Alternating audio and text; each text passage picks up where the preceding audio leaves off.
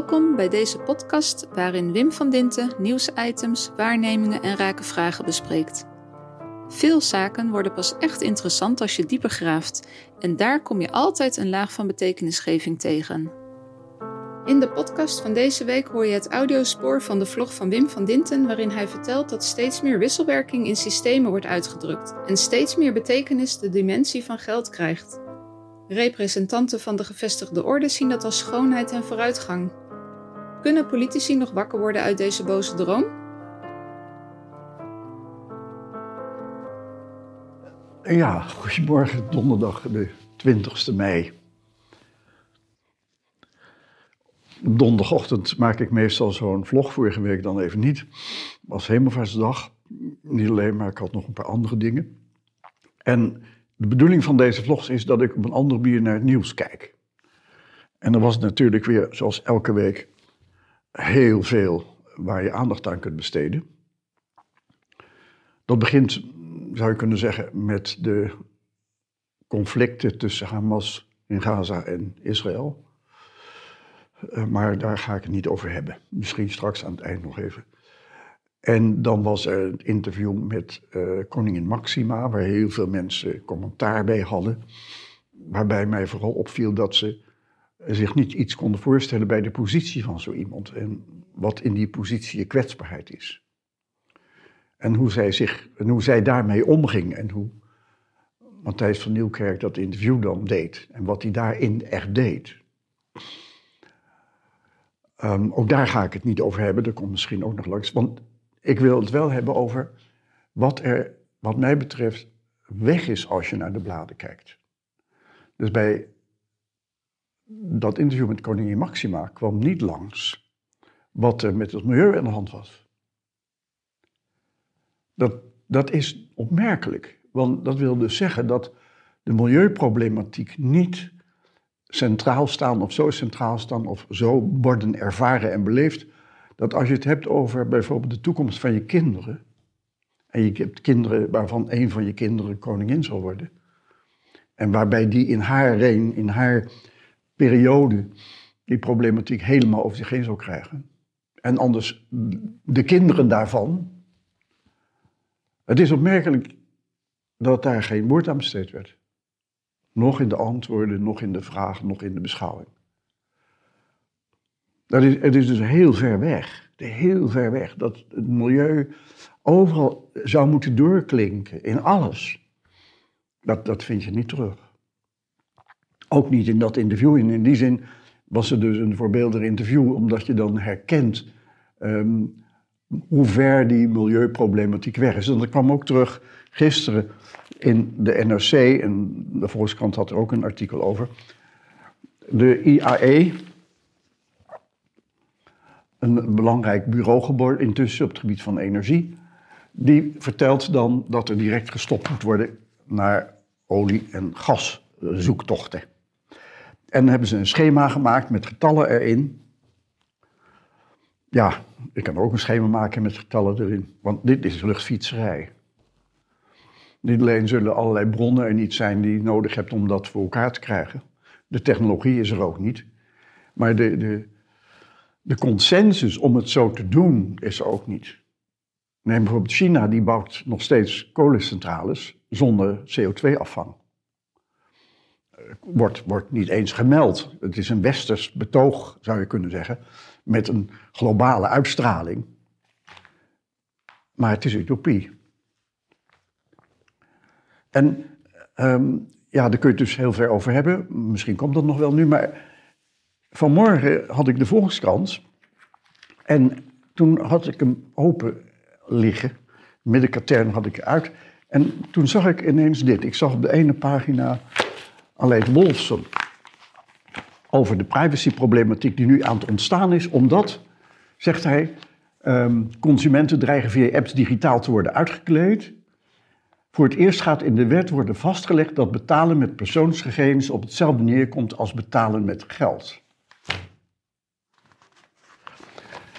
En aan de linkerkant staat dan een verhaal over bitcoin en dat hij zo in waarde eh, stijgt en daalt en dat hij nu heel hard daalt. En hier staat dan, het tweede artikel, dat de EU mag niet, moet niet bang zijn om leiders die morele grens overgaan economisch pijn te doen. En wat, wat dus eigenlijk opmerkelijk is, is dat deze twee pagina's van de Volkskrant op het milieuprobleem na eigenlijk laten zien wat er weg is in deze tijd. En daar wil ik het eigenlijk over hebben vandaag. En die lange inleiding is eigenlijk ook nodig omdat ik iets moet uitleggen wat heel moeilijk is en ik doe een poging. Maar daarmee heb ik wel iets vast wat heel erg ertoe doet. Laat ik beginnen met EU moet niet bang zijn om leiders die morele grens overgaan economisch pijn te doen. Dat, dat, dat zou alleen maar kunnen als die leiders in de EU in staat zijn een morele grens te herkennen. Anders is het, anders is het onzin. En verder wil zeggen dat je kennelijk uitgaat voor moraliteit, terwijl na de Tweede Wereldoorlog er is gekozen voor een rechtssysteem dat de grondslag zou moeten zijn van de samenleving, omdat de Tweede Wereldoorlog had aangetoond dat moraliteit de samenleving niet kon dragen.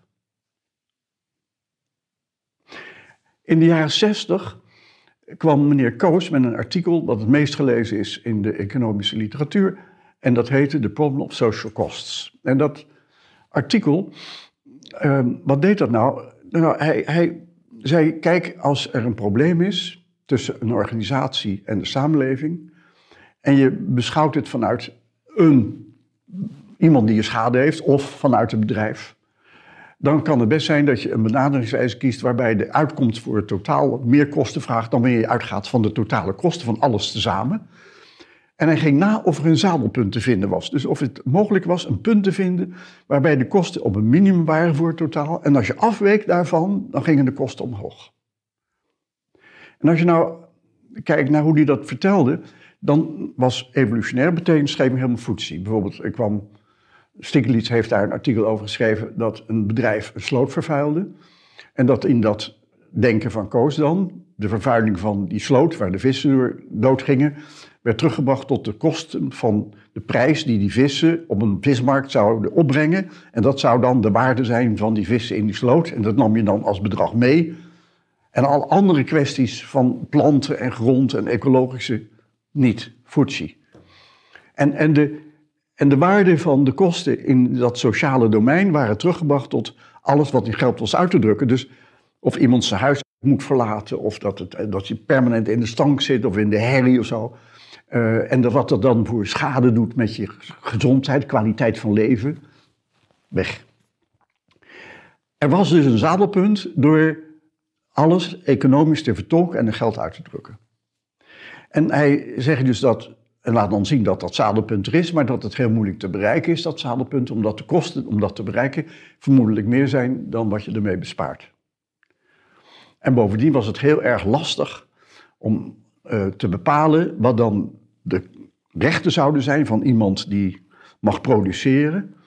En wat dan dat recht zou mogen kosten of wat, wat het zou moeten opbrengen. Maar hij kwam met een idee en hij zei: Kijk, als je nou dat recht van productie bij zo'n bedrijf vastlegt. En de overheid geeft dat uit. En je kunt dat recht verhandelbaar maken in de markt. Dan zal de markt wel de prijs bepalen. En dat ging door de wereld als het theorema van meneer Koos. En daar hebben overheden uitgebreid gebruik van gemaakt. Dus de melkrechten bijvoorbeeld destijds. Dat was het recht dat een boer koeien mocht hebben en het land mocht vervuilen met zijn mest en uh, daarmee ook wel gelijkertijd melk mocht produceren. En dat recht, dat melkrecht, dat kreeg je min of meer cadeau, want hij deed het altijd zo, maar werd wel verhandelbaar. En daarmee kreeg die boer een enorme vermogenscomponent tot zijn beschikking. Hoorde je natuurlijk in de landbouw verder helemaal niemand over. Maar het is wel, heeft wel heel veel geld opgeleverd voor de boer. En de overheid gaf dat geld, gaf dat recht uit. Dus een Amsterdam, als ik een, uh, een koffieshop heb of een lunchroom heb of weet ik wat, en ik heb ook een terras erbij, dan kon ik het recht krijgen en kopen bij de gemeente om dat terras te mogen exploiteren. En als ik mijn tenders verkocht, verkocht ik ook dat recht. En je hoorde ook niet zoveel mensen erover protesteren, want dat was een vermogenstitel die ze erbij kregen. voor het bedrijf wat ze al hadden. er is dus ruim gebruik van gemaakt en overheden hebben daar dus ook inkomen uitgehaald en kregen daaruit ook hun relevantie. Maar, maar wat je zag was dat die sociale wereld als het ware in geld werd uitgedrukt, in kosten werden uitgedrukt. En dat eh, de economen daar ook, en ook de overheden daar ruim mee aan de gang zijn gegaan. En wat is nou het, eh, het punt dat je, dat je al ziet dat in dit geval een recht een geldswaarde krijgt. Nou, nou was het zo dat in de Tweede Wereldoorlog, al in de Tweede Wereldoorlog, de handel zo groot was dat de dekking van de munten in die handelswereld niet meer door goud gedragen werden. Dus er was onvoldoende goud om de munten te dekken. Dat was een groot probleem, want dat stelsel zat ze in elkaar. Toen is men in Bretton Woods bij elkaar gekomen. En toen hebben ze uh, afgesproken dat alleen de dollar in goud gedekt zou worden, voor een groot substantieel deel, zeg maar twee derde. En dat alle andere munten zich dan zouden verhouden tot de dollar. Zodat je de goudreserves die er nodig waren drastisch verminderde en je dus verder kon met je handel.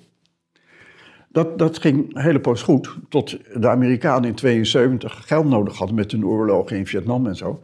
En de discipline opzegde, zonder daarover te overleggen met anderen.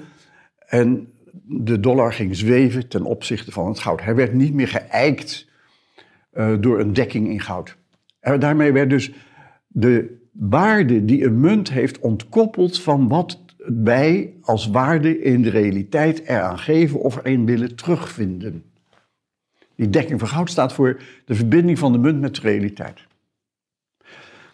Dat leidde dus tot een enorme uh, ja, onzekerheid op de markten. En daar, daar, werden dus wel arrangementen bij gemaakt, maar de Amerikanen zagen ook wel in dat die manier van de, de munt losmaken een enorme problematiek gaf. En die kregen het voor elkaar met Saudi-Arabië een contract af te sluiten dat de Saudi-Arabië alle olie in dollars afrekenen. En omdat het verreweg de grootste olie-exporteur is wereldwijd, was dat significant. Hè? was, dus die dollar kreeg een verbinding eigenlijk met olie. En daarmee was min of meer, niet wettelijk geregeld en niet echt vastgelegd, maar kreeg min of meer weer een relatie met een aardse dimensie. En tegelijkertijd werd dan in 75, 76 in die periode het IMF opgericht en werden de munten niet alleen in goud gedekt voor een stukje, maar ook opgehangen aan de dekking doordat staten instituten bevestigden en die instituten de munt bevestigden en de waarde en de dekking van de munt dus voor een deel overging naar het vertrouwen in de instituten en regeringen om die munt in, in stand te houden. En dat heeft in de EU natuurlijk toe geleid dat je de EU als instantie een hoge uh, waardigheid moet geven om die munt in stand te houden. Want als je dat niet meer doet, dan dondert de euro in elkaar. En dat heeft mevrouw Merkel dus heel goed gebeten. Dat ze onder de crisis in Griekenland. Dat hele tracé van denken en dekken van munten is, zeg maar, vanaf de Tweede Wereldoorlog overgegaan naar een ontkoppeling van een aardse dimensie naar een werkelijkheid met organisaties, met instituten en procedures en protocollen. En in die periode sindsdien is natuurlijk wel heel veel gebeurd, want je zag dat computers alsmaar groter en sterker werden en dat allerlei partijen met die computers aan de gang gingen. En wij gingen dus ook van banken vragen dat ze transacties moesten controleren op hun domein en of het wel klopte. En men vond een blockchain techniek uit. Dat wil zeggen dat je in die blockchain eigenlijk steeds blokjes kunt achter elkaar koppelen, hè, blokketting. Waarbij je een transactie kunt volgen tot waar die dan op enig moment is. En als je dat dus doet en alle partijen die erbij betrokken zijn in die chain hebt, dan kun je dus een transactie helemaal volgen van begin tot het eind. En weet je waar het geld vandaan komt en hoe het gelopen is, maar ook wat de koppeling is met het product wat eronder zit op enig moment. En dan is de toegang tot die blockchain is dan een recht wat je kunt hebben en dat is dan ineens geld geworden. Dat lijkt op denken van meneer Koos in Problem of Social Costs. Maar je hebt dus een recht gekregen en dat recht vertaalt zich in een prijs. En dat, die prijs is afhankelijk van de blockchain-techniek, is bijvoorbeeld de bitcoin. Daar kun je dus munten op definiëren. Cryptomunten zijn gedefinieerd op die blockchain-techniek. Dat kun je op allerlei manieren inrichten.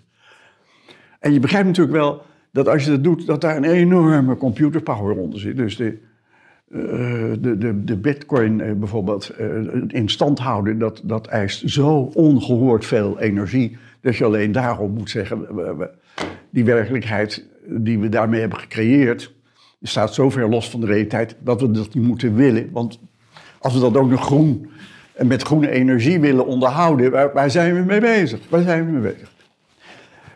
Maar je begrijpt wel dat in die wereld van werkelijkheden en computers er een dimensie bijgekomen is om munten te definiëren, namelijk op transacties. En nou komt dan meneer Aleid Wolfson ineens voor de dag. Voor het eerst gaat in de wet worden vastgelegd dat betalen met persoonsgegevens op hetzelfde neerkomt als betalen met geld. Ik kan natuurlijk op mijn gegevens, als ik een computerbedrijf heb en ik ben Google of ik ben Facebook of zeg maar, en ik heb gegevens van iemand, dan kan ik die gegevens gebruiken op allerlei manieren in allerlei ketens. En in die keten heeft het een waarde gekregen. En daarmee is, zijn mijn gegevens te formuleren als een blockchain waarmee andere handel bedrijven en hebben dan een waarde gekregen voor degene die de handel mee bedrijven.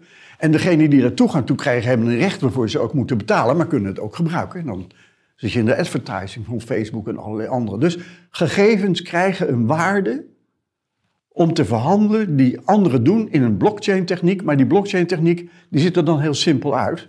En mijn gegevens hebben een andere waarde dan de gegevens van koningin Maxima. En koningin Maxima weet dat. Dus die gaat in zo'n interview niet in allerlei persoonlijke dingen, want er is toch al veel persoonlijks uh, in boeken. Maar als dat ook nog op internet komt en dat, dan ontstaat er een blockchain-techniek over haar gegevens met een toegangssleutel die heel veel waard is, want het, het verkoopt en je kunt er advertenties mee krijgen en aandacht. Ik heb er niets van gevonden in de opmerkingen van mensen over het interview met Maxima. Als je nu kijkt in Den Haag, wat er gebeurt met een nieuw kabinet, dan zie je dat wat er gebeurde in dat interview met mevrouw Maxima, Sorrigietta, dat het milieu weg is. Je vindt het niet terug. Althans, ik vind het niet terug. In alles waar we mee bezig zijn. Ik moet dan ook denken bijvoorbeeld aan een interview met Chibi afgelopen zondag in Buitenhof. Hij heeft een boek uh, geschreven, Crisis en Control, waarbij hij vertelt over zijn ervaringen met uh, allerlei ziekten in de landbouw. Monteklauseer, heel groot natuurlijk. En, en natuurlijk ook met de mestproblematiek en met de stikstofproblematiek in de landbouw. Kortom, hij heeft allerlei crisis meegemaakt. En, en vertelt over die crisis en hoe hij ermee omgaat. En, en vergelijkt het dan met corona en ziet dan wat er nu niet goed gaat in, vanuit die optiek. En ik kreeg de vraag van de interviewer van... Ja, maar nu, als u dat nou ziet, de toeslagenbeleid is toch ook een crisis geweest. En hoe, hoe verklaart u dat dan? En daar vertelt hij eigenlijk allerlei dingen in wat er niet goed gingen. Maar hij vertelt ook dat die ambtenaren belastingen hele goede ambtenaren zijn. En die interviewer vraagt dan... Maar hoe verklaart u dan dat die mensen zo in de fout zijn gegaan? Dat ze mensen zijn gaan mishandelen? Ja, dat begrijp ik ook niet, zei Tjibbe Op het moment dat je niet ziet dat de wereld is overgegaan naar, naar procedures die gecomputeriseerd zijn, en dat die zo dominant worden, dat de realiteit daarin geen plaats meer heeft, dus nog evolutionair, nog sociale betekenisgevender in de plaats heeft. En ik geloof in die methode als vooruitgang en voorspoed en als schoonheid zelfs. Technologie als schoonheid zelfs. Dan heb ik niet in de gaten hoe vervreemd ik ben van de realiteit. Laat dat nou precies het probleem zijn in deze samenleving van veel mensen die zeggen: er is iets weg, ik weet niet wat, maar ik mis het, ik mis het milieu als grondslag wat overal in zou moeten zitten. Ik, ik, ik, ik zie dat geld nu gaat over mijn persoonlijke gegevens. Was het eerder nog sociaal, hè, met meneer Koos. Is het nu mijn, zijn het nu mijn persoonlijke gegevens die in geld worden vertaald? En die worden teruggebracht tot, ik word als persoon uitgekleed, maar ik word niet als persoon uitgekleed zozeer. Want meneer Bolfson zegt, ja, die bedragen die ze dan verdienen zouden moeten worden geëxpliciteerd, zodat ik dat ook in geld kan uitdrukken. Mijn sociale waarde van mijn gegevens is weg. En de waarde die het heeft in relatie met de omgeving is weg. We zijn de realiteit kwijtgeraakt. We zijn in werkelijkheden gestapt. En politici dromen van de schoonheid van die technologie en zijn vervreemd van de realiteit. Fijne dag nog.